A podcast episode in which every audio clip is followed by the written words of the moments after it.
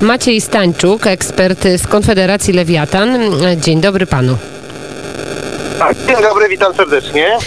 Weto unijnego budżetu, jak słyszymy, mm, Węgry, Polska i Słowacja jest już niemalże przesądzone. Kilka minut od, temu na antenie o tym mówił e, Jacek Sariusz-Wolski. Jak to weto przełoży się na przedsiębiorców?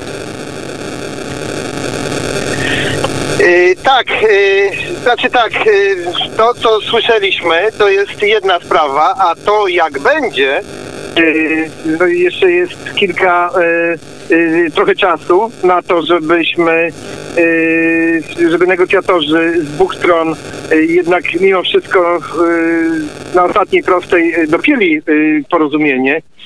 Ja mam taką cichą nadzieję, że takie porozumienie będzie osiągnięte. Y, dlaczego? No ponieważ y, y, uchwalenie budżetu unijnego jest w interesie wszystkich stron, jest w interesie zarówno i nas, naszym, polskim, jak również Unii Europejskiej.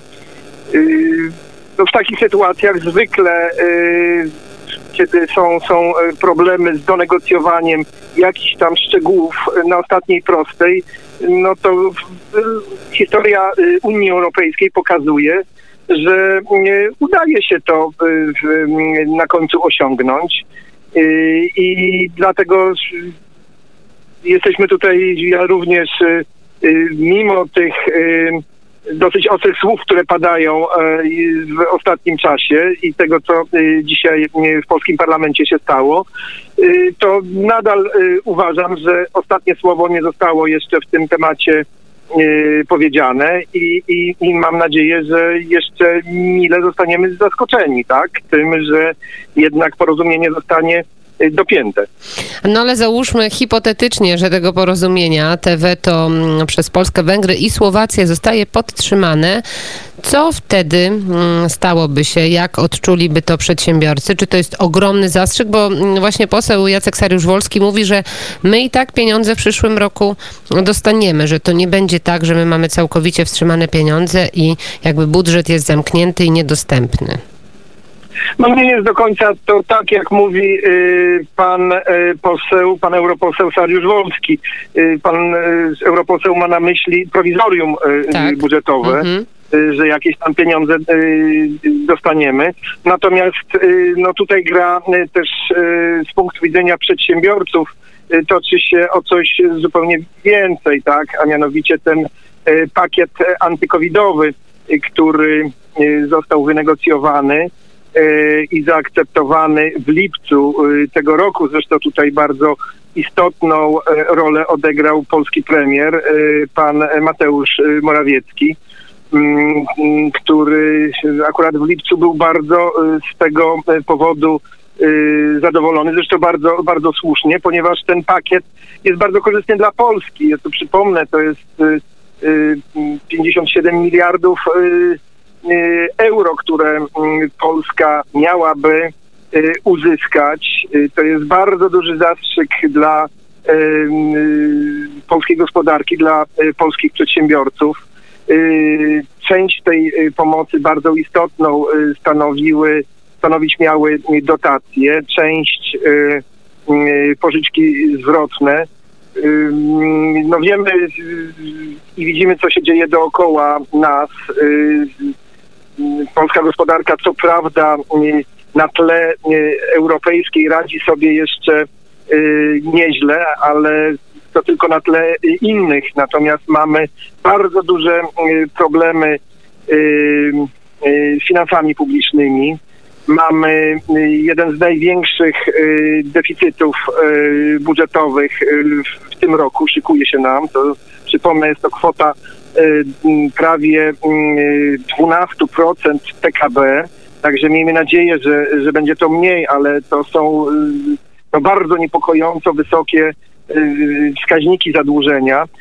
Czyli co chcę przez to powiedzieć, że przestrzeń fiskalna dla w takich warunkach pod nowe tarcze finansowe wsparcia polskich przedsiębiorców jest y, bardzo, bardzo ograniczona i tutaj niczego nie wyczarujemy i ym, no i tutaj możliwości, jakieś pole manewru jest bardzo ograniczone, dlatego bardzo by się nam przydało to wsparcie zewnętrzne ze strony Unii Europejskiej i ja naprawdę nie rozumiałbym, gdyby do tego, do tego nie doszło.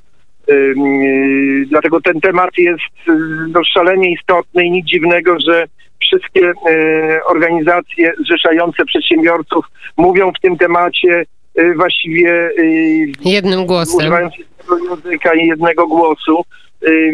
Mieliśmy do czynienia jeszcze w zeszłym piątek z takim apelem, pod którym podpisały się praktycznie rzecz biorąc wszystkie polskie organizacje zrzeszające przedsiębiorców, no to o czym świadczy, tak? Także tak to rozumiemy tę rzeczywistość. Stąd też jeszcze mimo tych twardych tonów, ja nadal wierzę, że to jest przyjęcie takiej ostrej pozycji negocjacyjnej, strategii negocjacyjnej, ale na ostatniej prostej, bo jeszcze jest tutaj troszeczkę czasu.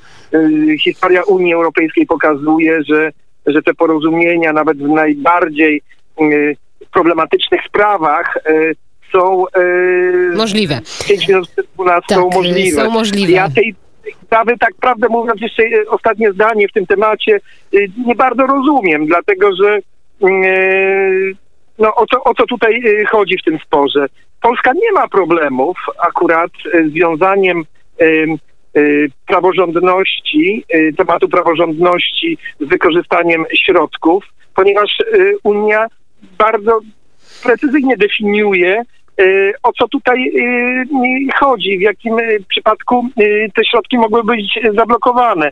Otóż chodzi tylko o jakieś tam nieprawidłowości związane finansowym wykorzystaniem tych środków. Akurat Wydaje mi się, że też jest to pojęcie, że jest w artykule siódmym, jak czytamy artykuł siódmy Traktatu o Unii Europejskiej, jest to pojęcie bardzo nieostre i nieokreślone zasada praworządności, więc nie wiem, jak to może być interpretowane i pewnie stąd ten strach. Ale jeszcze wróćmy na nasze lokalne podwórko. Że można to doprecyzować, pani redaktor. No właśnie Akurat o to chodzi. Tak, może się tak, to uda doprecyzować i wypracować tak, wspólne stanowisko, o którym też tak, o którym, o którym też pan mówi i polscy przedsiębiorcy. I wróćmy jeszcze tutaj na nasze lokalne, na nasze krajowe podwórko. Wiem, że Konfederacja Lewiatan bardzo mocno zaangażowała się w sprawę hoteli, kin i klubów firmowych, które mają ogromne problemy, a tarcze czy różnego rodzaju wsparcia no mało istotne i wiem, że państwo też właśnie zaangażowali się tutaj w tę sprawę. Tak, bo to te rzeczy, o których na początku mówiliśmy, to są oczywiście globalne historie, one są bardzo ważne, ale no jest też cały szereg takich pomniejszych rzeczy, które no bardzo by pomogły polskim przedsiębiorcom i, i tutaj to zależy już tylko i wyłącznie od relacji między przedsiębiorcami i, polskie, i polskim rządem.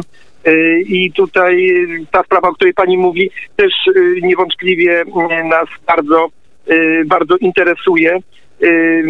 To akurat dobrze się składa, bo rząd po tym, jak minister Gowin, premier Gowin został szefem Rady Dialogu Społecznego, no, wykazuje się bardzo, bardzo dużą aktywnością.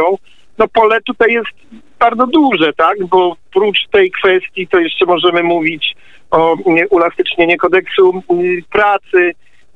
No, na dzisiaj mamy taką sytuację, że każdy pracownik zwalniany w praktyce dostaje kilkumiesięczną odprawę albo idzie do sądu.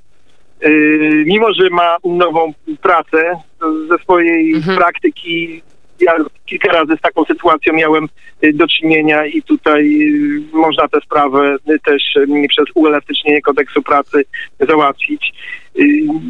Nie można na dzisiaj pracownikowi na kwarantannie nakazać pracy zdalnej.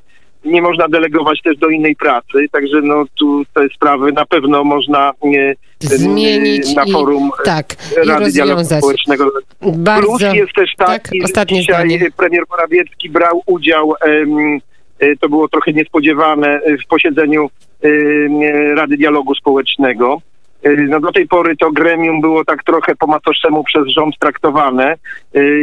Po tym jak minis- minister Gowin przejął kierownictwo nad RDS-em.